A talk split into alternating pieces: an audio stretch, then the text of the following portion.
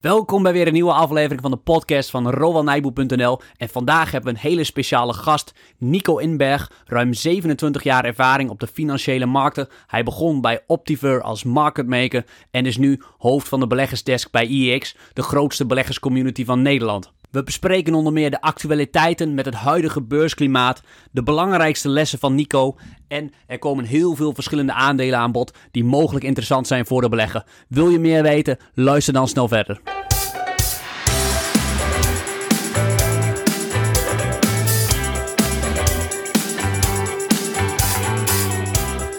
Ja, welkom en vandaag dus een speciale gast, Nico Inberg. Uh, Nico, welkom. Dag Rohan. Hallo. Uh, en op de eerste plaats krijgen we van uh, heel veel luisteraars de vraag wel eens van de economie.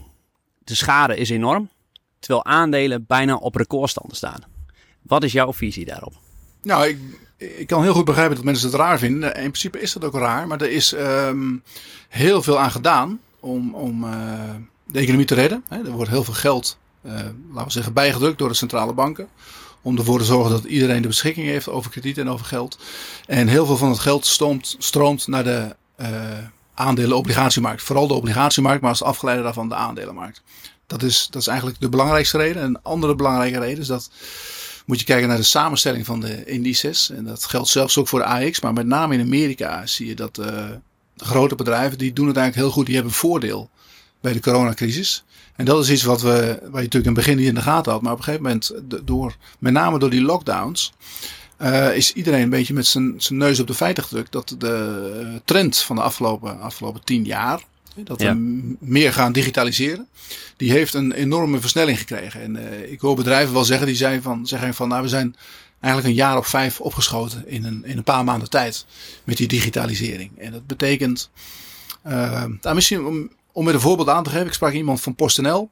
En uh, dus ik vroeg, hoe gaat het nou bij jullie nu met, met, met uh, de corona? Hij zei, nou ja, uh, ja, wij kunnen veel efficiënter werken, omdat nu iedereen online artikelen bestelt. Normaal gesproken was het in een straat, bijvoorbeeld in mijn woonstraat, we zeggen dan, dan dat er iemand bestelt nummer 2, iemand nummer 16 en iemand nummer 38. Ja. En dan moet die, die, die bezorger moet van de een naar de ander gaan. En dan soms is hij niet thuis, moet hij het weer mee terugnemen. Maar nu bestelt iedereen Iedereen is thuis, dus hij hoeft ja, niks meer mee terug te nemen. Um, de wegen zijn rustig, dus hij kan doorrijden. En de benzine is een stuk goedkoper. Dus het, het zit aan alle kanten mee, zeg maar. Nou, en dat, als je zo kijkt naar, naar een aantal uh, uh, de grote bedrijven, de grote techbedrijven, ja. dan zie je dat die enorm voordeel hebben bij wat er is gebeurd. Uh, als je kijkt naar Microsoft, iedereen maakt nu gebruik van MS Teams. Nou, je hebt ook natuurlijk Zoom, Zoom Video. Amazon heeft een enorm voordeel gehad, hè? die zaten precies op het goede spoor. Ja. Dus, en dat zijn inmiddels de bedrijven die ook de, ja, de grote indices dragen. bij ons is dat ASML, Adyen, ASMI. Uh, die bedrijven doen het heel erg goed en die hebben er, er echt voordeel bij. Ja, en dat zijn de corona-winnaars, laten we maar de zo zeggen. winnaars. En, en de corona-verliezers zijn natuurlijk hard afgestraft. Ze staan nog lang niet op, uh, op hun voormalige koers. En dat gaat waarschijnlijk nog heel lang duren. Hoe, hoe zie jij dat? Is daar juist misschien, zijn daar juist extra kansen? Uh, die zijn er wel, maar je moet er wel heel erg oppassen. Omdat, uh, kijk, en dat was eigenlijk voor de corona al aan de hand. Ik, wel, we hebben elkaar toen ontmoet in Zwolle. Daar heb ik Ja, een presentatie ja. gegeven. Daar heb ik al gezegd, er zijn twee twee, de beurs is verdeeld in twee kampen. Je hebt, je hebt een kamp met dure aandelen. Uh, die de wind mee hebben, die, die, die het goed doen. Hè? Dat kan je ook bijvoorbeeld Amazon uh, onderschalen, maar ook ASML. En je hebt een, je hebt een kamp met, met goedkope aandelen die de wind uh, tegen hebben. Nou, dan heb je de, de winkel vastgoed, bij ons ook, ook de banken, die, die lagen al slecht. En wat je eigenlijk ziet is dat de hele toestand met corona, Ja. die heeft dat allemaal verscherpt. En, en nog, nog, uh, nog meer verhevigd. Dus je ziet nu dat de bedrijven die achterblijven, die hebben ook echt last van de corona. Dus als je kijkt naar de banken. We waren vorige week bij de Rabobank op bezoek. En, en uh, nou ja, uh, die banken die houden zich wel staande. Dus dat is het probleem allemaal niet. Maar die, die zijn in afwachting van een enorme golf aan faillissementen. En Ja. je ziet nu dat het aantal faillissementen blijft nog laag. Omdat de overheid de hand eronder houdt. Maar dat, dat wordt natuurlijk op, op enig moment is het niet meer te handhaven. Dan, dan uh, moet je een gedeelte moet je laten gaan. Nou, die komen bij de banken terecht. En dan zie je dat die werkloosheid. Hè, nu wordt ook heel veel mensen worden nu nog betaald door de staat. Uh, dat wordt straks ook een keer afgelopen als, als corona niet weggaat. Ja. Uh, en dat komt bij die, die banken terecht. Dus daarom blijft iedereen nog, nog van de bank af. Nou, dan heb je ook nog de gewone incidentjes bij, zoals met ING weer vandaag. Dus dat helpt ook allemaal niet. Nou, je ziet het ook met, met de winkels. Die hebben het heel lastig. Uh, ja, fysieke retail, de, de supermarkten doen het heel erg goed. Maar de andere winkels, met name de, de fashion, de modewinkels, die hebben heel veel last. Ja. En uh, ja, dat gaat nog niet. Dat gaat niet. Dat wordt, wordt alleen maar uh, is meer verhevigd. Ja. Dus je moet daar heel goed oppassen. Uh, ja, welke je wel en welke je niet koopt. Ja. Ja, want als je over gemiddelde moet spreken, hoeveel van die ellende zit dan al in die gedaalde beurskoersen verdisconteerd? Als je bijvoorbeeld kijkt naar de, naar de Nederlandse banken, ING en ABN AMRO. Ik denk dat heel veel erin verdisconteerd zit. Misschien wel alles. Ik denk misschien zelfs nog wel meer. Dat het wat, wat, uh, wat overdreven is. Maar uh, ik, ik, vind altijd wel, er is een verschil tussen de, de prijs op de beurs van een aandeel en de, de waarde die in een aandeel zit. En dat komt niet altijd overeen. Hè? Buffett die zei geloof ik ooit, price is what you pay, value is what you get. Ja. En um, kijk, de, de, de beurskoersen worden gedreven door uh, vraag en aanbod. Op het moment is iedereen ervan overtuigd dat, de, dat de banken althans, dat die nog niet omhoog gaan. Dat daar nog ellende aan zit te komen. En niemand wil daar nog in stappen. Iedereen wil nog het liefst gewoon in de technologie aandelen. Want ja, mm-hmm. dat is makkelijk om te zien. Uh, technologie gaat gewoon goed, dat is waar. Dat is, die, die, hebben de, de, die hebben de wind mee. Tegelijkertijd zijn die aandelen natuurlijk reden duur. Dus moet je afvragen of uh, bijvoorbeeld Apple. Ja. Uh, dat is wel een uitzondering misschien. Maar ja, waarom betaal je voor Apple 40 keer de winst? Hoeveel, hoeveel dus, ja, zoveel groei zit daar niet meer in. Dus dat is, dat is uh, maar goed, iedereen wil dat soort aandelen hebben nu. En uh, er komt ongetwijfeld een andere tijd. En dan komen de andere aandelen weer aan de beurt. Maar nu is dat nog niet volgens mij. Het begint er wel, wel langzaam maar zeker aan te komen. Dat je ziet wel een soort rotatie. Dat men uit technologie aandelen gaat. En, en toch wat meer achterblijvers oppikt.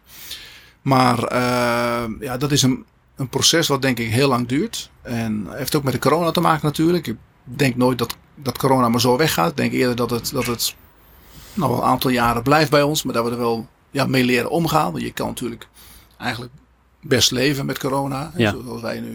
Ik hoef me niet heel veel meer te ontzeggen, denk ik. Um, dus we zullen ons leven moeten aanpassen. En dan is er wel weer heel veel mogelijk. Maar bepaalde dingen gewoon niet. Ja. En hoe kan je als belegger dan omgaan met corona? Kan je dat in scenario's meenemen? Dat je de helft van je portefeuille wat corona winnaars doet en de andere helft corona verliezers? Of hoe, wat is jouw visie? Ja, ik denk dat je moet kijken naar het risico wat je wilt lopen in je, in je portefeuille. En uh, je, je kan best wat achterblijvers oppikken. Of heel veel mensen ja, zitten al in achterblijvers. En dan moet je kijken, wil ik ze houden of niet. Hè? Nou, heel vaak willen mensen toch wel graag uh, ABN of ING. Of heel veel mensen zitten in Shell. willen dat toch wel aanhouden, omdat de koersreacties vaak als, als overdreven worden gezien. Nou, er is ook veel aanbod nu in Shell. Ik denk zelf bijvoorbeeld kijken naar Shell. Um, dat die dividendverlaging van Shell, die heeft ze echt parten gespeeld. Ik denk zelf dat heel veel Amerikaanse beleggers gewoon uitstappen in Shell en, en, en overstappen op Exxon of Chevron. En dat dat de koers uh, nou, voor enige tijd onder druk gaat houden. Nou, daar kan je gewoon op wachten. Op, een gegeven moment zijn ze klaar. En, en uh, dus dat soort dingen spelen ook mee. Maar je, je moet met name kijken naar het risico wat je lopen wil. En ik zou ook niet al te hard achter de winnaars aanlopen. Want die zijn ook best wel. Uh, daar zit heel veel ingeprijsd. Dat moet ook allemaal maar goed gaan. Uh, maar het, ja, het beste is, is om een soort uh, ja, balans te overwegen. En, en ook wat geld aan de zijlijn te houden om te kijken. Want er komen af en toe komen de kansen langs. De beurs is erg wispelturig. Ja. Kan ook maar zo zijn dat nu in aanloop naar de Amerikaanse verkiezingen. dat we, best wel weer een stukje gaan dalen. ik heb eerder meegemaakt in 2000 was dat met de verkiezingen van Bush dat de uitslag van die verkiezingen niet pas de volgende dag was, maar pas in januari ergens. Mm-hmm. Nou, dan, toen ging de beurs iets van 8, 9% lager in die periode. Omdat uh, onzekerheid houdt men niet van. Ja. Dus daar moet je ook rekening mee houden. En kan, het, het, is een ra hele rare periode. Dit heb ik nog nooit meegemaakt. Ik denk heel veel mensen die, die lang meelopen op de beurs. En ik ben toch al vanaf mijn, mijn, mijn 25ste met de beurs bezig. Ja. Uh, ja, zoveel onzekerheid. Uh, hebben we nog nooit meegemaakt. En uh, aan de andere kant, onzekerheid biedt ook kansen. Dus daarom moet je ook goed uh, je geduld bewaren voor de kansen die er langskomen. Die komen zeker. Ja. ja, want we hebben de laatste maanden ook gezien een totale toestroom van nieuwe particuliere beleggers die voor het eerst beginnen. Je hebt al meerdere crisissen wat dat betreft meegemaakt. maak je daar ook een beetje zorgen om? Ja, ik, ik, ik, vind het, ik vind het ten eerste heel leuk dat ze het doen. Het is een beetje ontstaan, denk ik, omdat. Um, ja, men was een beetje op zoek naar vertier. Uh, Ja. Er gaat heel veel geld om in de sportwedstrijden. in het wedden op uh, sportwedstrijden. Nou, die werden natuurlijk allemaal afgelast. Dus toen ging die, die groep die daarin zit, dat zijn vooral jonge mannen. Uh, die zaten ook thuis. Dus je kan, uh, als je thuis zit, kan je rustig je handelsscherm open laten staan. Er loopt geen collega of baas achter je langs. En die gingen op zoek naar vertier. Die kwamen bij de beurs terecht. En daar, dat, heeft, dat is zo ja, massaal gegaan. Dat, vooral in Amerika, maar dat zie je in Nederland ook. In hele, ik denk in de hele westerse samenleving. Ook in China en Japan en, en in, in de rest van Europa. Heel veel jongelui die zijn de beurs opgegaan. En dat was al een beetje zo met de cryptomarkt. Die was, was wat rustiger geworden, dus daar waren ze een beetje klaar mee. Ja. En die kijken nu naar de beurs. En kijk, de beurs is natuurlijk altijd leuk, want is, bij ons is er altijd wat te doen. Er is altijd beweging. Ja, ja, ja. Was eerder, toen ik op de optiebeurs stond, was er ook altijd wel ergens een fonds. Waar, waar de boel in de fik stond. En daar ging je naar kijken. Daar gingen mensen dan, dan naartoe. En dat kan nu online. Dus altijd een aandeel waar wat aan de hand is. Nou, in Amerika gaan ze met z'n allen heel veel die handelaren zitten bij Robinhood, maar ook bij andere brokers. En dan kijken ze naar wat een paar mensen doen, een paar goeroes. En daar loopt iedereen daar achteraan. En, en wat, wat ik net zei van vraag en aanbod, dat zie je omhoog natuurlijk ook. Als heel veel mensen denken dat, dat, uh, ja, dat Nicola dat dat een goed aandeel is. En iemand roept dat, die moet je hebben, want die gaat verdubbelen. Nou, dan gaan ze allemaal kopen. Ja. Ja. Of ze kopen calls of uh, turbo's of die aandelen zelf. En heel veel vraag betekent een hogere prijs. En dat kan dan met, met miljoenen mensen gaat dat heel snel. Nou, dan, dan even later moeten ze er ook weer uit. Dus de mensen die er als eerste weer uit zijn, die hebben geluk. En er blijft één groep, die wordt van speculant, die worden belegger. Die blijven eraan hangen. Dus die worden lange termijn belegger in ja. een aandeel. Nou, dat, dat, is, ja. dat is natuurlijk leergeld wat je dan betaalt. En uh, dat is wel, wel, wel jammer van deze groep, want ik vind het leuk. Heel goed dat ze ook naar de beurs gaan. Zitten ook met, met de lage rente. Dus je moet iets doen met je geld om uh, je vermogen op te bouwen voor later. Maar dit is niet de goede weg, want nu nu speculeren ze er eind op los en ze hebben best wel lol, maar aan het eind, eind van, uh, van de maand is het salaris op en is het geld waarschijnlijk op. En dat is heel jammer. Ja. Dus je zou, ze zouden zich eigenlijk, en uh, dat is ook wel iets wat je natuurlijk over het algemeen wel ziet van, van mensen die beginnen met de beurs, die, die stoten de eerste keer hun neus. En dan gaan ze nadenken wat ze nou eigenlijk aan doen zijn. En ik hoop dat deze groep dat ook gaat doen. Ja. Want dat zou heel mooi zijn. En, en, en uh, ik zeg altijd, de beurs is fantastisch. Je kan er van alles doen. Uh, um, in principe is de beurs ja, bedoeld voor particulieren om vermogen op te bouwen. En voor, ja, voor bedrijven om geld aan te trekken. En, maar ja, het beweegt natuurlijk elke dag. Er is altijd, er is altijd handel. Ja. Is, is dat ook de charme van, de, van beleggen voor jou? Dat er altijd iets gebeurt? Ja, nou, je hebt, je, hebt, je hebt zeg maar beleggen en je hebt speculeren. Dat zijn wel verschillende dingen. Ik ben natuurlijk ik ben van de beurs afkomstig. Ik ben niet per se een, een, uh, opgegroeid met, met beleggen, met lange termijn beleggen. Dat is echt wel iets, iets, uh, iets anders. Dat zou eigenlijk, dat is de basis. Waarom je, hoe je vermogen opbouwt. Ja, voor later. Maar dat ja, vermogen opbouwen gaat via de beurs. En op de beurs is altijd wat te doen. Dat is het, dat is het leuke ervan. En, maar mensen moeten wel, wel goed begrijpen dat het. Um, dat is een beetje ook de, natuurlijk de paradox. Wie vermogen wil opbouwen voor de, de langere termijn, kan het beste zo saai mogelijk beleggen. Maar de beurs is niet saai. Nee. De beurs is altijd, is altijd reuring. En, en ik zit bij een mediabedrijf. IX is een mediabedrijf. Dus wij, wij vinden het ook mooi als er wat aan de hand is. En daar schrijven we over. Daar maken we artikelen over. Dat, dat lezen mensen graag. Als er niks gebeurt, dan kan ik daar wel over schrijven. Maar dan, dan leest niemand dat. Dan denk je, ja, er gebeurt nooit wat bij dat aandeel. Nee, je krijgt één keer per jaar dividend. Nou, fijn. Ja. Maar daar verdien je wel je geld mee. Ja. Op lange termijn. Welke, waar, waarmee bedoel je dan? Nou, met, met, met, met die aandelen waar niks aan de hand is. Die gewoon, bijvoorbeeld ja. Kluwer. Als, als wij een artikel schrijven over Voltus Kluwer, dan gaat dat met, uh, nou ja, daar heeft niemand eigenlijk heel veel zin in. Want het, dat leest bijna niemand. Dat willen mensen niet een keer, ja, Voltus Kluwer, saai. Dat ik, maar dat, dat, als je dat, dat lijntje bekijkt van het aandeel, dat gaat gewoon elk jaar omhoog. Elk jaar iets meer dividend. Nou, blijft een duur aandeel. Maar goed, dat is wel, als je daarin zit, van jongs af aan, heb je een prachtig aandeel. Hoef je nooit naar om te kijken. Tuurlijk. Eh, even kijken hoe de cijfers zijn en wat er gebeurt. Of het allemaal goed gaat nog. Maar gaat altijd goed. Nou, dat zijn de, de aandelen waarmee je vermogen opbouwt op langere termijn. En uh, in principe zou je, denk ik, ja, 80, 90 procent van je portefeuille met dat soort aandelen moeten, moeten inrichten. Ja. En, uh, of 80 misschien wat veel, maar eh, je zou daar wel een, een, een soort basis van moeten hebben. En niet alles met, uh, met de biotechbedrijven van deze wereld. Maar dat is natuurlijk wel, daar haal je wel je meeste, meeste plezier uit. Ja. Mensen kijken heel graag naar farming, wat er gebeurt. En, want dat beweegt elke dag. En daar kunnen ze zich ook iets bij voorstellen.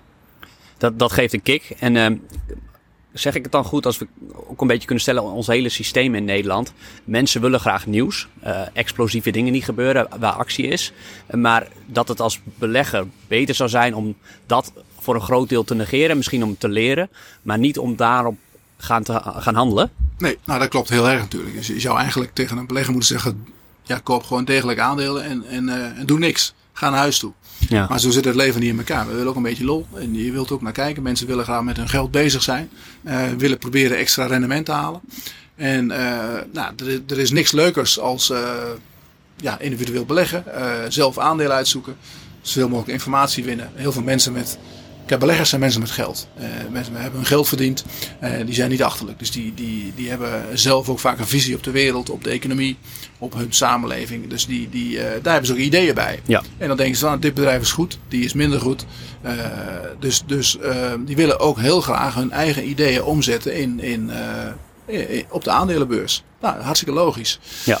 Moeten ze ook, moeten ze ook vooral doen. Dus, en dat maakt het leuk. En dan, dan zou je daarna, dat, dat ja, zou je eigenlijk heel veel mensen die ik spreek zeggen van nou, je zou eigenlijk twee of drie portefeuilles moeten hebben. Eén, één voor de lange termijn. Oh ja. Gewoon degelijk aandelen.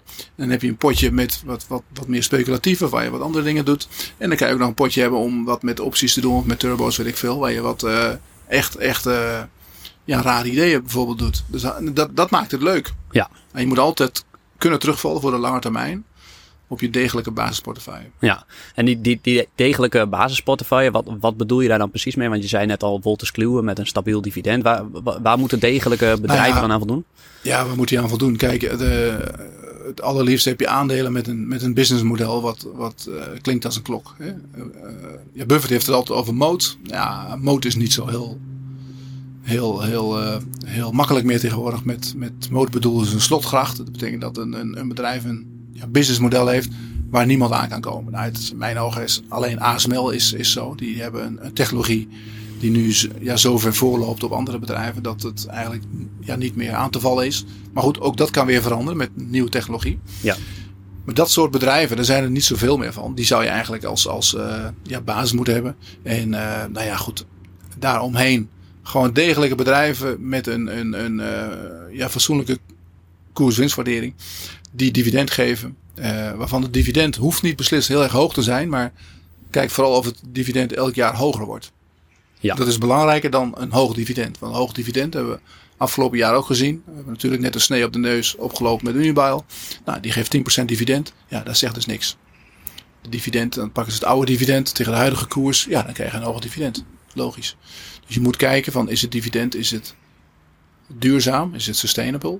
En uh, zijn ze in staat om het dividend elk jaar te verhogen? En dan begin je misschien maar met 2%. Maar dan als je kijkt naar een oplopend dividend, hè, dan over een jaar of vijf, ja. dan is het misschien nog steeds 2%. Maar afgezet tegen jouw investering is het misschien al wel 4%.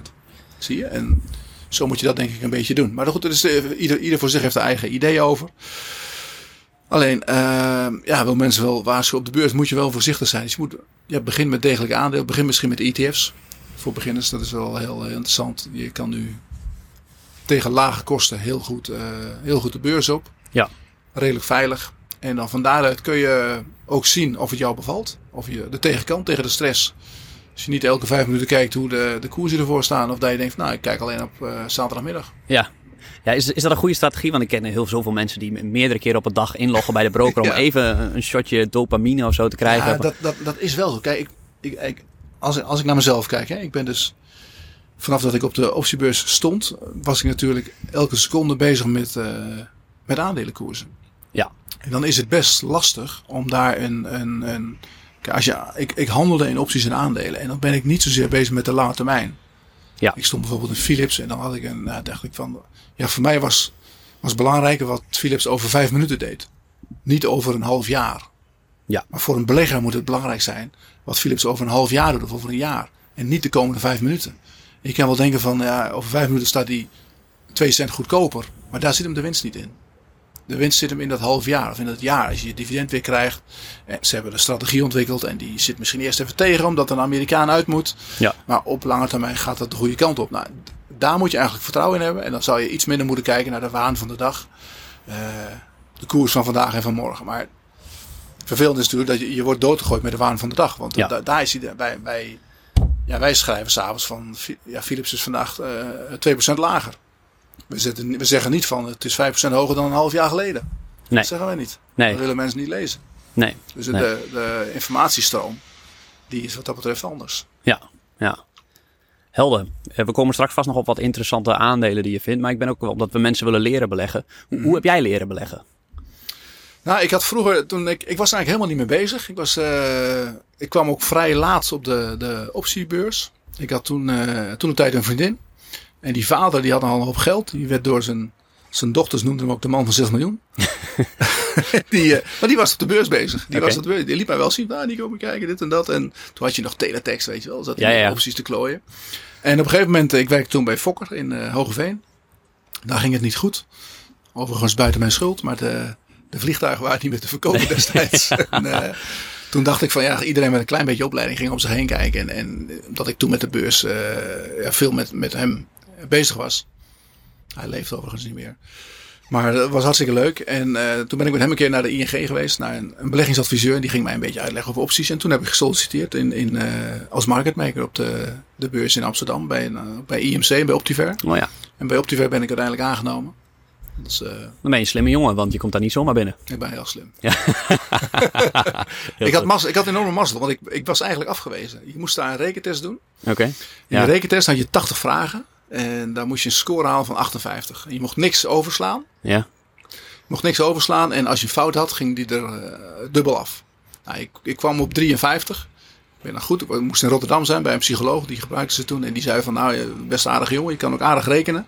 Maar niet goed genoeg. We zoeken de beste 1%. En jij zit bij de beste 5 of zo. Dus eh, nou, ging ik weer naar huis toe. Ja. En daar baalde ik van. Er was, er was nog een test. En die had ik niet hoeven doen. Dat was een test met series. En ik denk, dat was mijn sterk. tenminste, Ik dacht dat ik daar goed in was.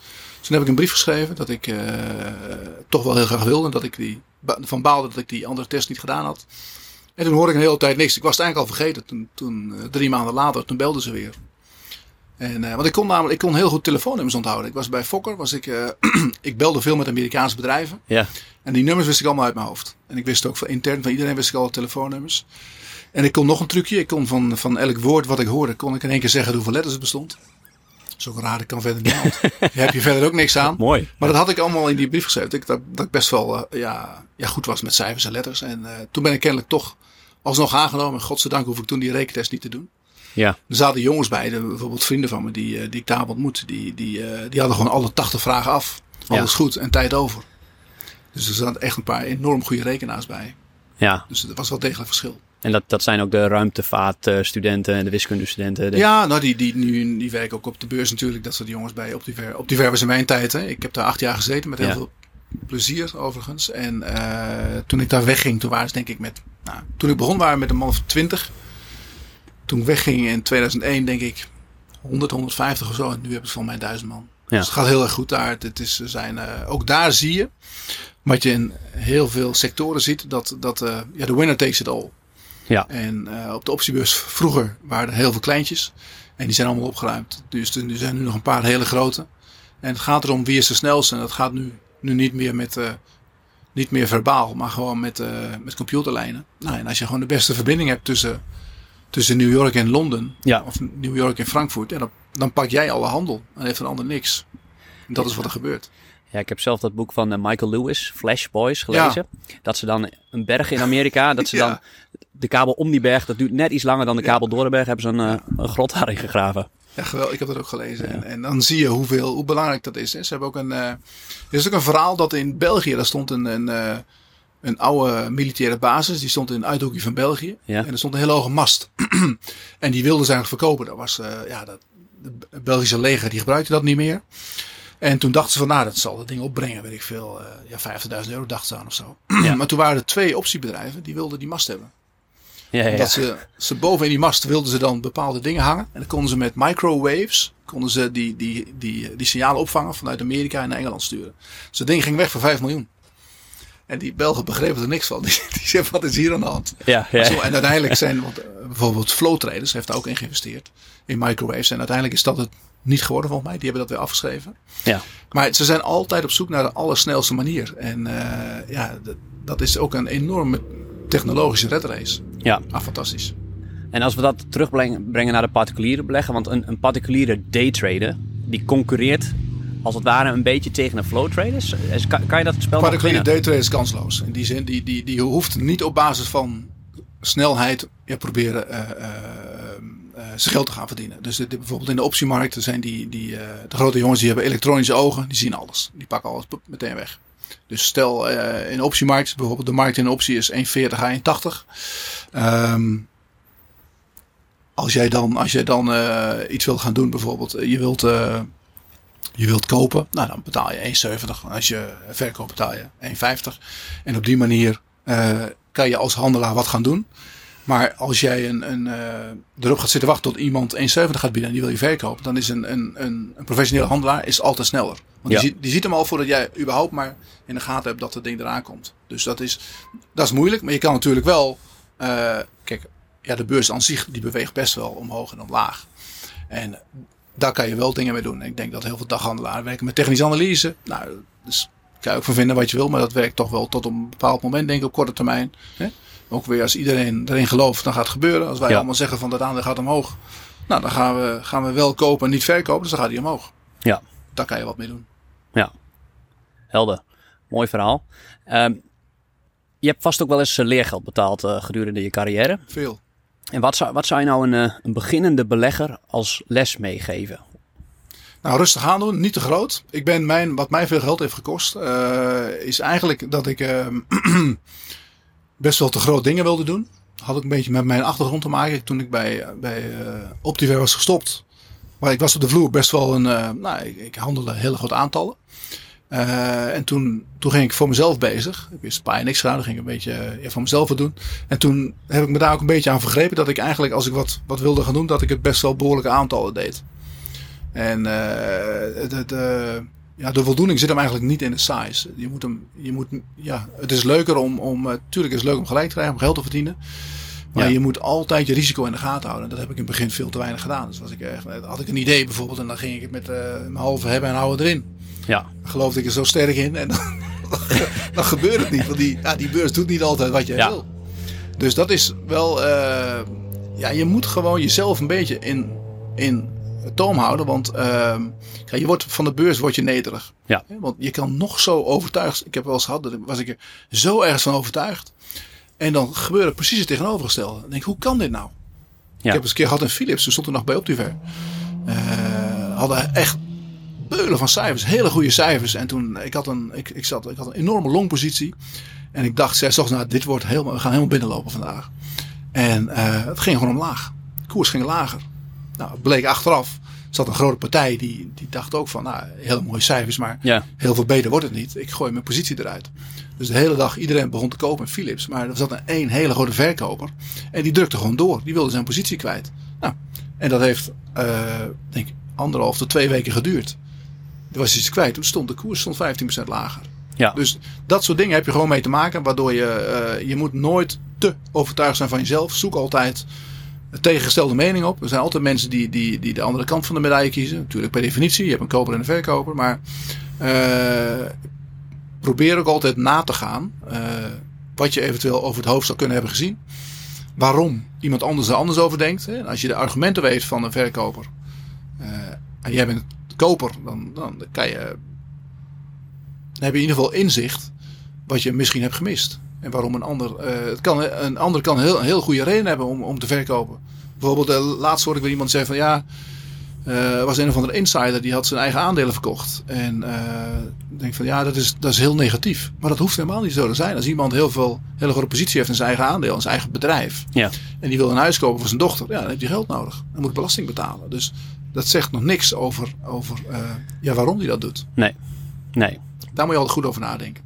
Ja, en ehm, ja, in het verlengde daarvan bedoel je dan ook dat je je portefeuille, omdat je soms nog zo overtuigd kan zijn, niet te veel concentratie in één aandeel? Ja, dat is natuurlijk heel verstandig. Eh, mensen zijn, zijn geneigd om, om, nou ja, als je ergens heel erg in gelooft, dan wil je daar natuurlijk zoveel mogelijk geld in steken, want je denkt dat het omhoog gaat. Maar spreiding is wel, is wel een toverwoord op de beurs. Hè. Dat is gewoon heel belangrijk. En daar, daar bescherm je jezelf eigenlijk tegen dat soort fouten. Want eh, als jij gewoon een, een portefeuille hebt met 20 namen, elk 5%, dan, ja, als er dan een keer eentje failliet gaat, heb je geen centje pijn. Dan Ja. vangt, vangt de rest dat op. Maar als je er maar vier hebt en dan gaat er eentje failliet, ja, dan ben je de pisang. Ja. Dan ben je een kwart van je geld kwijt. En dat heeft ook weer zijn weerslag op je gedrag. Want je wordt daar heel voorzichtig van. Terwijl je, als je er twintig hebt en dan gaat er eentje kapot. Dan denk je van bij jezelf, nou goed dat ik dit goed gespreid heb. En eh, goed oppassen de volgende keer. Maar je wordt er niet, niet per definitie dat je denkt van eh, ik moet nu echt eh, rustig aan doen of oppassen. Ja. ja, mooi. En je noemt daar gedrag.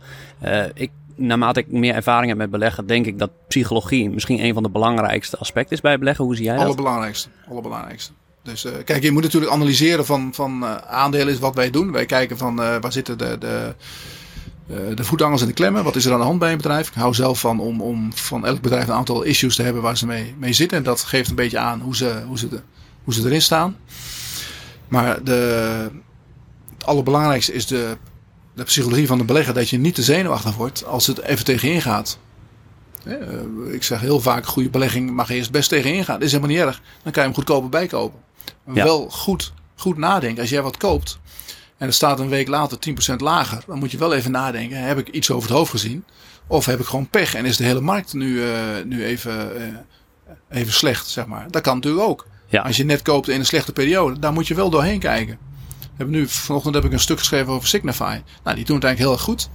Eh, we hebben een koopadvies op staan, maar dan gaat de hele beurs omlaag. Nou, maar dat is geen reden om dat koopadvies weg te halen, want het bedrijf aan zich doet het goed. Ja. Wil wel zeggen dat degene die het vandaag koopt, die staat waarschijnlijk een uur later op verlies. Ja. En misschien een dag later ook wel. Maar dat ze- zegt niks over het be- bedrijf aan zich. Het bedrijf aan zich heeft de boel goed omgedraaid sinds begin dit jaar. Doen het goed. En eh, net wat ik in het begin ook zei. Belegger moet eigenlijk kijken van wat staat hij over een half jaar of over een jaar. En niet wat doet hij over vijf minuten of over een Ja. kwartier of over een dag. Dus dat beschouw je als ruis eigenlijk. Dat korte Ja, dat eh, is, kijk, je hebt er wel mee te maken. Natuurlijk koop je liever op een, op een lager niveau. Want dat is weer een procent extra rendement. Ja. Maar ja, het kan ook omgekeerd dat het, dat het wel oploopt. Dus je moet eigenlijk kijken naar de, de, de waarde van het bedrijf. En dan moet je kijken hoe ziet dat er over een half jaar uit. Eh varen ze de goede kant op. Hè? En, en, en dat is veel belangrijker dan dat je de hele dag naar die beurs loopt koekeloeren. Van oh, ik heb nog eh, twee cent goedkoper. Want de beurs zei ze altijd highs en lows are for fools.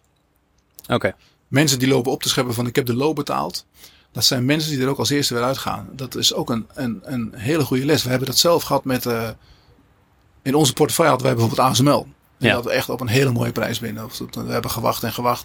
Toen hadden we ze op voor mij 135 gekocht. Maar toen op 160, toen brandde dat in onze zak.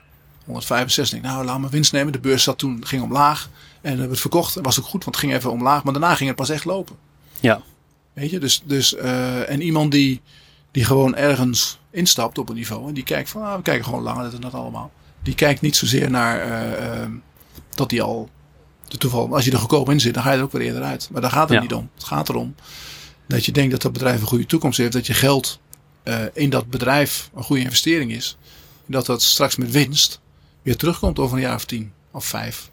Wat jouw horizon ook is.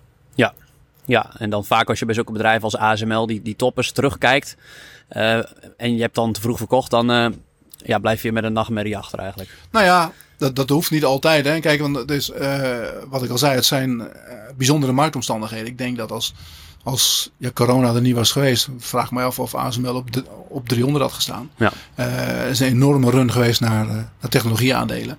Die eh, ook ASML een enorme, enorme jumpstart gegeven heeft. Dus het is heel moeilijk om, eh, om dat soort dingen eh, ja, los van elkaar te zien.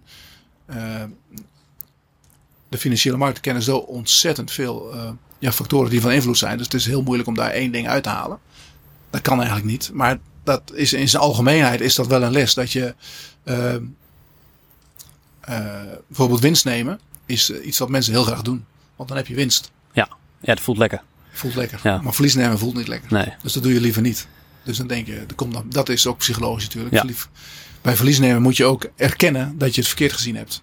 Nou, dat doen we ook liever niet. Nee. Dus dat is ook een, eh, een stukje psychologie die, die in de markt zit. Dus wat je vaak ziet, en daar heb ik mijzelf ja, meermalen schuldig aan gemaakt, is dat je te snel winst neemt. Nou, geld in de pocket. En eh, dat je de verliezen laat oplopen. Dat je denkt van, nou ja, ik heb hem toen gekocht. Nu staat hij 15% lager. Dus uh, if you like him at 100, you love him at 80, zeg maar. Ja. Dus, uh, maar ja. ja. eigenlijk moet je dan gewoon zo'n case weer opnieuw bekijken. En dan moet je op dat moment afvragen, ja, wil ik deze wel hebben op 80? Ja. En... het is dan niet meer relevant dat hij dan met 20% gedaald is eigenlijk. Nou, dat is wel een indicatie dat andere partijen er vanaf willen. Ja. Dus dat zou jou wel extra aan denken moeten zetten. Ja. En dat kan voor een reden zijn. Hè. Het kan, er kunnen omstandigheden veranderd zijn. De, de markt als geheel die kan veranderd zijn. Maar uh, ja, dat, zo, zo werkt het natuurlijk wel. Dus dat je dan op zoek gaat naar of die daling van 20% of dat terecht is. Dat is een veel belangrijker Ja, ik wil dan wel weten wat er aan de hand is. Ja. En je komt er nooit helemaal achter. Maar je ziet vaak wel... Ik kijk ook veel in het aandeelhoudersregister. Hm. Dan zie je als uh, ja, partijen uitstappen dan is, heb je het ook weer het al, al oude liedje van vraag en aanbod. Als er veel aanbod is, als er een partij ergens af wil, ja, dan gaat die koers omlaag. Want uh, die wil er dan vaak in een maand tijd af of in een week tijd. En dan ligt die koers even onder druk. Nou, op het moment dat je weet dat die klaar is, dat die eruit is, ja, dan valt die, die verkoopdruk die valt weg. En dan uh, gaat het weer omhoog. Dat zie je nu bijvoorbeeld ook met emissies. Of met, er komt nu een claimemissie aan van de Unibouw Rodamco. Ja. Nou, daar hebben we ons ook wel uh, mee in de vingers gesneden. Maar die, die, die koers ligt nu behoorlijk onder druk, omdat er zijn op dit moment geen kopers. Die zijn er nauwelijks. Er zijn alleen maar verkopers. Want denk, iedereen denkt, er komt een claimemissie aan. Ligt die koers even onder druk. Want er worden extra aandelen uitgegeven. En daarna gaat hij weer. Ja. Maar dus iedereen die wacht op dat moment. Ik spreek heel veel mensen die zeggen, nou, ik wacht wel even tot die emissie geweest is. En dan ga ik erin. Maar dan staat de koers al mogelijk ja, veel dat hoger. Dat weet je niet. Het kan Nee. ook veel lager zijn. Dat, dat, dat duurt nog anderhalf maand. Dus er kan van alles gebeuren in die tijd. Als ze morgen een medicijn vinden tegen corona, ja, dan staat hij uh, op uh, 60 of 87. Weet jij veel?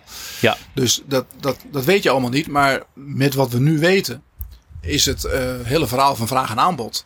Is er op dit moment ja, meer aanbod dan vraag. En dat drijft die koers, houdt die koers onder druk. Ja. Daar heb je dan mee te maken. Ja, en die onzekerheid die nu speelt, dat maakt het nog eens extra Ja, volatiel misschien. Dat, dat maakt het helemaal. Ik bedoel, mensen houden niet van onzekerheid. En heb je ook nog een les, want we hadden net een les voor de beginnende beleg. Heb je ook een les die je, je bent al zo lang uh, professioneel analist, die je de laatste jaren hebt geleerd of wat je belangrijk vindt? Nou ja, kijk, wat je, wat je met name de, de, de laatste jaren op de beurs ziet, is dat het, het kan altijd gekker. Het kan Ja. altijd gekker. Dus uh, je moet altijd blijven twijfelen aan, aan uh, bepaalde aannames. Je weet nooit, zekerheid is er niet op de beurs. Hè? Uh, ik heb zeg maar, nou ja, heel veel dingen meegemaakt. Maar het afgelopen jaar is weer een, een, een ja, die, dat op zich een fantastisch jaar geweest. Er zijn weer dingen gebeurd. Denk ik van, Jezus Christus, Ja. nooit voor ogen ja. Hoe hard het gedaald is. En vooral ook hoe hard het weer omhoog gegaan is. Hoe de verschillende ja, sectoren, hoe het geld naar de technologie gegaan is. Eh, wat er met al die optiekopers gebeurd is hè, uit Amerika. Die, die, eh die call-opties kopen in die kleine in die, Ja. technologiefondsen. Het zijn allemaal hele mooie dingen. Hele leuke dingen om mee te maken. Eh, maar het, het allerbelangrijkste blijft toch voor een belegger is dat, en dat is, heeft, ja, per definitie is een beurs is, ge- is gediend bij onzekerheid. En onzekerheid en risico hangt altijd met elkaar samen. Onzekerheid en rendement ook. Dus hoe meer onzekerheid, hoe meer kansen er ontstaan. Maar eh, je moet, je moet, je moet ja, niet denken dat die onzekerheid ooit weg is. Want er blijft altijd onzekerheid. En dat is ook helemaal niet erg. Maar ik, ik heb wel eens een voorbeeld gehoord van mensen die zeggen van nou, als jij, jij een, een, een, eh, voor een, een afgrond staat. En eh, stel, is over, over 15 meter is de afgrond en ik sta hier met een blinddoek om. Hoeveel stappen durf ik dan te doen? Nou, misschien vijf of zes. Ja, meer niet. Ja. Als ik die blinddoek afdoe en ik weet wat er aan de hand is. Ik weet wat de onzekerheid is. Ik weet wat het gevaar is. Nou, dan doe ik er rustig 12. De Ja. laatste twee zou ik niet doen, maar eh, zo'n held, held ben ik Ja. ook niet. Maar dan, dan durf je dus, je kan veel meer ri- risico nemen als je weet wat je risico's zijn. Nou ja. En heel veel mensen nu, hè, dat komen we weer terug op de, de, ja, de nieuwe groep beleggers, die weten vaak helemaal niet wat risico is. Nee. Die denken alleen maar van, ah, als ik farming koop, dan daar hoor ik iedereen over. Die gaat dan omhoog als dat eh vaccin er is of dat, dat medicijn er is. En dan heb ik mijn geld verdubbeld. Ja. En die kijken helemaal niet naar, naar risico's. Maar die, daar kom je dan achter op het moment dat het misgaat Ja. met andere aandelen. En dan, dan ja, leer je pas eigenlijk wat er aan de hand is. Ja, ja want, want risico aan zich is een heel abstract begrip natuurlijk. Het is heel, je kan het niet precies kwantificeren voor een Het bedrijf. is ook voor iedereen verschillend. Ja. Wat, wat, wat voor mij een risico is, is voor jou misschien wel een maand. Ben je misschien helemaal niet bang voor. Hè? eh, ja, er zijn mensen met heel veel geld, die zijn heel voorzichtig. Er zijn mensen met weinig geld, die gaan all in. Ja. Die hebben een heel, heel ander risicobesef. Dus het is niet voor niks als jij, als jij naar een bank gaat en je opent een beleggersrekening of je, je wilt gaan beleggen via hun. Dat ze, ja, zij moeten je proberen te ontdekken wat, jou, wat jouw besef van risico is. Ja. Of een risico je aan kan. Ja. Er zijn mensen die kunnen helemaal geen risico aan. Nou, die moeten ook niet gaan beleggen. Ja. Die moeten gaan, uh, ja, zelf weten wat ze gaan doen. Maar die, die kunnen beter een, uh, weet ik veel, een ijsje kopen zo en verhuren. Ja, dat is uh, ja, wat concreter. En um, we spraken net voor de tijd al even over shorters. Er zijn, je hebt Wirecard, Grenke, Nicola. Hou jij daar rekening mee met, uh, met je beleggen? Want je, jij, gaat niet short, denk ik. Je gaat vooral long. Nou, ik ga heel, af en toe wel short. Maar ja, per, definitie meer long. Uh, ik hou er zeker rekening mee. Je kan dat ook altijd heel goed volgen bij ons. Hè. Short die, die kan je, daar staat alles ja, heel mooi gerubriceerd. Ja. Um, er is wel een, een extra aandachtspunt. Als er namelijk veel short zit in een bedrijf, dan is er ook een kans dat ze, niet eens dat ze ongelijk hebben, misschien hebben ze wel gelijk, maar ik zeg altijd, uh, short positie is een uitgestelde kooppositie. Want ze moeten weer kopen.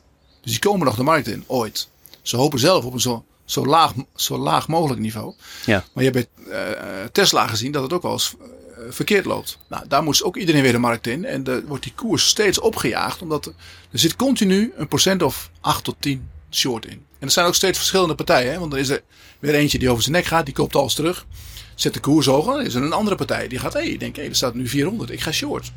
En zo gaat het steeds maar door. Tot uh, uiteindelijk zal er een keer wat gebeuren. Misschien, misschien krijgen ze gelijk. En misschien is het. Uh, ja, zit er geen waarde in. Maar misschien hebben ze ongelijk. En weet Tesla de, de hele wereld te veroveren. Dus ik hou er wel, wel, wel degelijk rekening mee. Ik denk ook dat short analisten die, die doen hun huiswerk heel erg goed. Ja. Omdat uh, ja, omhoog is de sky the limit, maar omlaag uh, ja, eindigt het op nul. Dus je moet echt goed overtuigd van je zaak zijn. Maar wat je in Amerika ziet is dat ze uh, met enorme rapporten komen tegenwoordig. Die maken ze ook openbaar. Nadat ze eerst positie hebben ingenomen. Dus dat mag tegenwoordig. Dus ethisch vind ik dat, vind ik dat ja. minder. Ja. Eerst een grote positie innemen en dan uh, gaan ze lopen schreeuwen van dit. Pff, liefst zeggen ze fraude. Ja. Nou, dan stapt iedereen al uit. Dus dan hebben ze de eerste 10, 15 procent al te pakken. Um, maar het is wel iets wat, wat bij de, de financiële markten hoort. Mensen kunnen ook put-opties kopen. Dus, dus iemand die een put-optie koopt, die gaat ook short. Ja. Dus het is uh, wel iets wat erbij hoort. Ja. En uh, wat vind jij nou echt belangrijk bij het selecteren van een aandeel? Zijn er een paar kerncriteria waar jij echt op let? Ja, ik wil wel graag dat een bedrijf um, um, dat het de goede kant op gaat. En dat is een beetje, klinkt misschien een beetje vaag. Maar bedrijven, uh, er zijn eigenlijk twee soorten aandelen op de beurs van, van, van uh, ja, bedrijven die het goed doen, waarvan de koers vaak hoog staat. En je, je, hebt ook, je hebt ook bedrijven met issues en daarvan staat de koers laag. Nou, dan is het allerleukste is natuurlijk om een bedrijf te vinden met een lage koers. Die, die de business weet om te keren, waarvan het weer goed gaat. Hè. Dat zijn er nu heel veel. Uh, als je kijkt naar de banken bijvoorbeeld, winkelvastgoed. Nou, ja. Er zit ook heel veel kaf onder het, onder, onder het koren. Uh, ik ben het helemaal mee eens dat heel veel winkelvastgoed het lastig heeft. Maar er zijn ook wel, als ik kijk naar Eurocommercial. Uh, ja, die hebben winkelvastgoed waar heel veel supermarkten in zitten. Dus die, die, krijgen best wel, die krijgen best wel geld binnen. Dus dat, dat is een, vind ik een hele interessante categorie. En voor de rest, uh, voor de ja, beleggen op de lange termijn, moet je vooral bedrijven vinden die, die uh, met goede business, goede onderliggende business, die um, als even kans wat inflatie aankomt, die hun prijzen kunnen doorberekenen aan de eindklant. Dat is ja. wel, wel, een belangrijk punt, wordt vaak onderschat, maar pricing power is, is uh, belangrijk voor een bedrijf. Ben jij degene die de prijs bepaalt? Of ja, loop je achter iemand anders aan en dan als dan de, de, de, de grote concurrent de prijzen verlaagt, ja, dan moet jij mee en dan heb je niet zoveel uh, ja, vet op de botten als die sterke concurrent en dan word je toch langzaam maar zeker leeggezogen. Ja. Dus pricing power, prijs, prijszettingskracht heet dat in goed Nederlands, is van belang. En voor de rest zou ik toch uh, ja, vooral kijken naar de winstontwikkeling, dividendontwikkeling. Weten ze elk jaar iets meer dividend uh, te betalen. Dividend, wat ik al zei, het hoeft niet heel hoog te zijn. Als het 2, 3 procent is en ze, ze doen er elk jaar een klein beetje bij, dan is dat een goede zaak. En dat betekent dat ze een, ze een business hebben, een onderliggende business, die, die hun in staat stelt om elk jaar iets meer geld aan de aandeelhouders te geven. En vergeet niet dat een, een deel van het geld niet wordt uitgekeerd. En dat mm -hmm. is uh, niet onbelangrijk, want dat, dat blijft in het bedrijf. En uh, het betekent dat ze daarmee ja, nieuwe dingen kunnen gaan doen. Of dat het anderzijds bij, bij het, de waarde van het bedrijf opkomt. Hè. Dat vergeet men wel eens. Maar dat, dat geld blijft natuurlijk in het bedrijf. Uh, Buffett noemt dat retained earnings. Maar vastgehouden winsten. Ja. En dat is eigenlijk de reden dat een bedrijf, uh, uh, dat de beurs elk jaar omhoog gaat. Want een bedrijf zou toch, een gezond bedrijf wat elk jaar 5% winst maakt, ja, die zou dus elk jaar 5% meer waard moeten worden. Ja. En bedoel, los daarvan hebben wij als mensheid een soort, een soort waarderingsmaatstaf op de, de aandelen. Nou, die loopt nu ook op omdat de rente zo laag is. Maar dat de beurs elk jaar omhoog gaat, is, uh, ja, mits de beurs bestaat uit gezonde bedrijven, is niet meer dan logisch. Ja, ja. En uh, proef ik hier ook een voorliefde voor dividendaristocraten? Nou ja, dat heb ik eigenlijk wel. Maar ik, kijk, ik, ik, ik hou toch wel van bedrijven waar een beetje actie is. Dus ik hou wel van dat er, dat er wat, nou niet zozeer dat er issues zijn, maar dat er wat te doen is. Dat er wat, wat te beleven is. Dus ik, ik ben zelf ook niet. Um, kijk, Wolters Kluwer is een, doen een fantastisch bedrijf, maar ik vind het dodelijk saai. Ja. Dus voor mij is dat niet. Ja, ja. is niet uh, ik kan het iedereen aanraden, zeg maar. Maar ja, ja. Uh, dat is niet waar ik mijn, mijn aandacht aan verleg. Maar ik, ik, ben natuurlijk niet, ik ben niet alleen belegger, maar ik ben ook, ik, ik ben ook een, een, een uh, schrijver over aandelen. Ik doe, doe research, ik, ik steek mijn neus overal in. Dus ik vind ook met name vanuit dat opzicht ja, zijn dat voor mij de, de, de leukere aandelen waar wat, wat te doen is, waar iedereen naar kijkt. En dan wil ik graag uh, ja, de onderste steen boven halen, kijken wat er aan de hand is en of het om te keren is. Dat is het mooiste. Ja. Dat is al het mooiste wat er is. Als je een aandeel vindt, denk van nou, dat is. We hebben dat toen gehad met farming, die stond op 30 cent en iedereen uh, kotste erover. En we hebben jongens hier hebben er echt heel goed naar gekeken en toen dachten we van nou, dit, dit gaat hem worden. Ja.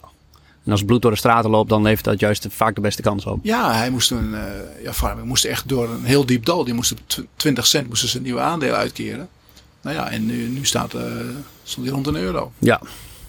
Fantastisch. Heb je nog zo'n interessante aandeel voor de luisteraars op dit moment? nee. Nou ja, kijk.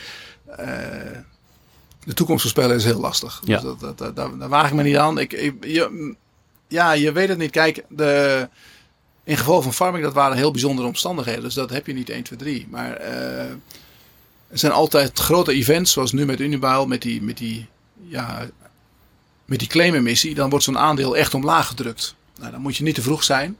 Maar als het allemaal lukt, dus je krijgt geld binnen, ja, dan ontstaat er wel een mooie koopkans. Want het, uiteindelijk, de onderliggende business, die wordt nu heel erg overschaduwd door de corona. Maar het komt er wel weer aan natuurlijk. Ja. Dus dat soort dingen zijn wel. Uh, maar daar moet je voorzichtig mee omgaan. Want je bent heel vaak te vroeg. Als mensen te vroeg zijn, dan, dan uh, sta je meteen op achterstand. Dus denk je van, ah god, ik heb, uh, ik heb mijn vingers eraan gebrand. Dus je moet jezelf ook de tijd geven om, om, om ja, succes te behalen, zeg maar. Ja. Niet denken van, het moet, moet binnen een week of binnen een maand. Wat zei ik alweer van Buffett, wat hij gezegd? Uh, ja, iets van uh, je kan niet. Uh, je kan niet negen vrouwen zwanger maken om, om dan een baby binnen één maand te krijgen. Je moet, exact. Ja, ja, één vrouw moet het negen maanden doen. Ja, dus dat, Is, dat is niet anders. Sommige dingen kosten gewoon tijd. Ja. ja. En ehm, ik vind altijd dat een goede belegger eigenlijk veel moet lezen. Zie jij dat ook zo? En heb je dan ook nog een boekentip? Ik heb geen boekentip. Ja, je, dus, kijk, er zijn heel veel boeken over beleggen. En veel Engelstalig. Dus dat, zou ik, iemand die dat, die dat wil gaan doen, die moet, daar, moet zich daar vooral in gaan verdiepen. Ik lees zelf heel veel. Maar ik lees heel veel gewoon nieuws met name. En, en achtergronden, analyses van, van, uh, van aandelen lees ik op allerlei sites. Ik heb allerlei nieuwsbrieven, veel Amerikaans, ook Engels en Duits, Frans af en toe. Um, dus ik, ik, ja, je moet, ik zou, zou ja, sowieso heel veel lezen. Want dat, dat, kijk, lezen ze zeggen wel eens, hoe meer je weet, hoe minder je weet. En dat Ja. is ook zo. Maar de, de, ja, door heel veel te lezen kom je achter heel veel dingen. En de- ga je dingen begrijpen. Ja. Hoe mechanismes in elkaar zitten. Dat het is, de beurs is niet logisch. Op geen enkele manier. En, en eh, dat, dat, eh, dat moet je je goed realiseren. En dat ga je realiseren als je heel veel dingen leest. Ja. En dan zie je hoe het, eh, misschien een klein tipje van de sluier zie je dan hoe het, hoe het werkt achter de schermen. Hoe het gaat. En dat, dat er dan eh, de enige manier voor een particulier belegger om daaraan, eh, om dat, dat, eh, om daarvan te winnen, is de lange termijn. Ja. Want op lange termijn komt het goed. Op, op de lange termijn is de beurs ook logisch. Ja, op lange termijn is de beurs loos. Op lange termijn gaat de beurs omhoog. Bedrijven maken winst. Ongezonde bedrijven worden eruit geschopt. Zie je nu vandaag is de, de wissel in de Dow. Exxon gaat eruit. Er komen technologiebedrijven in. Ja. Nou, dat, dat zijn, als je kijkt naar, als je bijvoorbeeld over 50 jaar terugkijkt op de Dow, dan, dan, dan zul je misschien zeggen van nou, toen ging Exxon eruit, want die, die weigerden wat aan hun olie dingen te doen. Die dachten dat, uh, dat ze alleen maar met olie door mochten. En uh, ja, dan zie je, die is gewoon toen vervangen. En er komen andere bedrijven in die het wel goed doen. Er komt een, uh, van mij een soort healthcare aandeel in. En Etsy komt in en nog wat. Maar die, die zitten, ja. die varen de goede kant op. Dus die, die versterken dan vervolgens die index. Waardoor die index weer gaat lopen. Waardoor de, de, het beeld van hè, de, de beurs gaat elk jaar 6, 7% omhoog in stand kan worden gehouden. Ja, ja. En denk je dat dat tot het einde der tijden vol kan blijven houden, gemiddeld 6, 7% per jaar? Nou, niet zozeer. Kijk, het gaat natuurlijk sowieso altijd met uh, schommelingen. Ja. Soms heb je een keer een jaartje min 40 en dan heb je weer plus 10, ja, ja, plus 10, plus 10. Dus dat is heel verschillend. Maar um, kijk, in, in principe, ja, zolang het ons systeem blijven staan van, uh, van kapitalisme. Het zal nu wel ietsje meer richting socialisme gaan. Hè? Mm -hmm. Dat we nu toch wel gezien hebben dat we niet zonder de overheid kunnen. Die, uh, je kan niet allemaal gewoon de overheid laten opdraaien voor uh, elke zeven jaar het misgaat. Ja. Dus moet je wel iets rekening mee houden. Maar, um, en ook met de lagere rente zou een, een, een ja, jaarlijks rendement van 4, 5 procent ook heel normaal zijn. Ja. ja. Je ziet ook dat de waarderingen gaan oplopen van bedrijven. Hè? Omdat men toch ja, genoegen neemt met... Uh, ja, een bedrijf wat 25 keer de winst staat, die maak je in principe 4% per jaar. Ja. Nou, dan krijg je 2% dividend. Nou, als de rente min 1 is, ja. of min een half, ja, dan, dan ga je er 2,5% op vooruit. Als dat, als dat zekerheid biedt, dan zullen veel mensen daarvoor kiezen. Ja, ja. En uh, tot slot, je noemde al twee uh, kenmerken van een goede belegger, geduld en, uh, en veel lezen. Heb, heb je er nog eentje? Ja, een goede belegger die volgt mij. nou, dit ben ik nee, nee, nee, nee, nee, maar goed, ik, kijk, ja, er, er komen zoveel kwaliteiten bij kijken. Het is vooral, uh, heb ik al gezegd, uh, een beetje nederigheid. Ja. Dat is wel heel verstandig ook. Ja. Dat je niet denkt. Uh, en dat overkomt ieder mens zo af en toe. Af en toe denk je dat je het uitgevonden hebt. En ja, dan, ja. dan soms is dat ook zo, maar meestal is het niet zo. Ja, dan kom je al op een pijnlijke manier achter. Dat is helemaal niet erg. Nee. maar je moet wel zorgen dat je niet al je leergeld in één keer verschiet. Ja, ja, mooi. Een leven lang leren ook. Ja, altijd. Maar dat gaat altijd door, joh. Je bent nooit te oud om te leren. Het is ook altijd leuk om. Ik vind het heerlijk om weer nieuwe dingen te ontdekken en nieuwe dingen te zien. Uh, een tip voor de belegger ook nog. Luister goed naar jonge mensen. Uh, luister goed naar je kinderen, wat die interessant vinden. Ja. Als die een. een uh, ik hoor een verhaal van, van een vriend van mij, zijn zoontje was helemaal gek van Nvidia, van die nieuwe SD-kaart die ze hadden. Hij zegt: iedereen wil dat ding hebben. Nou, hij zegt: dan moet ik Nvidia hebben. Ja, ja. ja. Dat is de toekomst. Dat zijn de beleggers van de toekomst. Ja. ja. Oké, heel erg bedankt uh, Nico. Waar, waar, kunnen mensen meer over je vinden? Nou ja, ik werk voor IEX natuurlijk. Op de, de website van IEX, daar, daar, daar zijn we te vinden. Ik en mijn, uh, mijn collega's.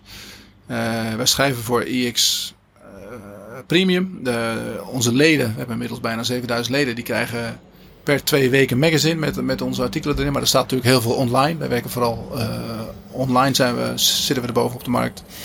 Ze krijgen dagelijks een mail met, uh, uh, met wat er gebeurt op de beurs. En we maken analyses van zo'n 300 aandelen uh, in Nederland, België en, en wereldwijd. Ja, en, en jullie zorgen voor nieuws en jullie helpen de belegger om hun beleggingen vorm te geven. Ja, we proberen eigenlijk te kijken. De, mijn, mijn, het is ook mijn persoonlijke doel. Ik wil graag. Ja, ik heb niet de wijsheid in pacht. En ik denk dat niemand de wijsheid in pacht heeft. Buffett ook niet. Maar uh, uiteindelijk gaat het erom dat je met zoveel mogelijk goede informatie een goede beslissing neemt. Goede investeringsbeslissing. Ik wil graag dat wij als IX, dat de mensen die bij ons komen, dat die, die, die ja, na een bezoek aan onze, onze site, dat ze, ze een betere uh, ja, beslissing kunnen nemen over hun, uh, hun investeringen, hun beleggingen.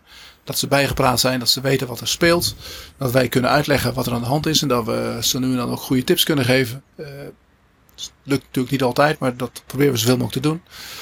En uh, kijk, we hebben één ding gemeen allemaal. Wij houden van de beurs. We houden Ja. van de beurs en we doen niks liever. We zitten de hele dag met onze neus op de beurs. En Ja. we, we, hebben heel veel, we doen heel veel kennis op. En die willen we graag delen. Ja, en ik, ik vind het heel erg mooi dat jullie in je analyses je best wel op de lange termijn richten. Iets waar ik ontzettend in geloof. Ja. Of, of doen jullie zelf ook veel met opties en technische analyse? Nee, we hebben, natuurlijk hebben we technische analyse, dat verzorgt Tostrams. Maar uh, kijk, de lange termijn is het allerbelangrijkste voor de particuliere belegger. De particuliere belegger moet echt niet proberen om op korte termijn uh, de, de, de professionele markt te verslaan. Ja. Want dat gaat je niet lukken, die, die vreet je leeg. dus wil je geld verdienen, uh, je, je gebruikt de beurs voor vermogensopbouw. En dat doe je door te kijken naar de, de lange termijn. Natuurlijk maak je dan gebruik van korte termijn kansen. Als de beurs even daalt, moet je erbij zijn. Dan, is, dan krijg je korting. als het bedrijf onderliggend niks aan de hand is. Dus daar moet je wel naar kijken. Maar het, eh, ons uitgangspunt is altijd ook met de, de koopadviezen die we geven en met de, de, de, de, eh, de ratings die we geven. We kijken hoe staat een bedrijf er over een half jaar tot een jaar eh, ervoor. En dat is het allerbelangrijkste. Top. Ja, ik wil je eigenlijk heel erg bedanken. De zon eh, verlaat ons ook bijna hier, want we zitten lekker buiten. Ja, ik heb hem nog net. Je, hebt hem nog, je buigt nog even bij. Ehm, is het tot slot nog iets wat je, wat je wil zeggen?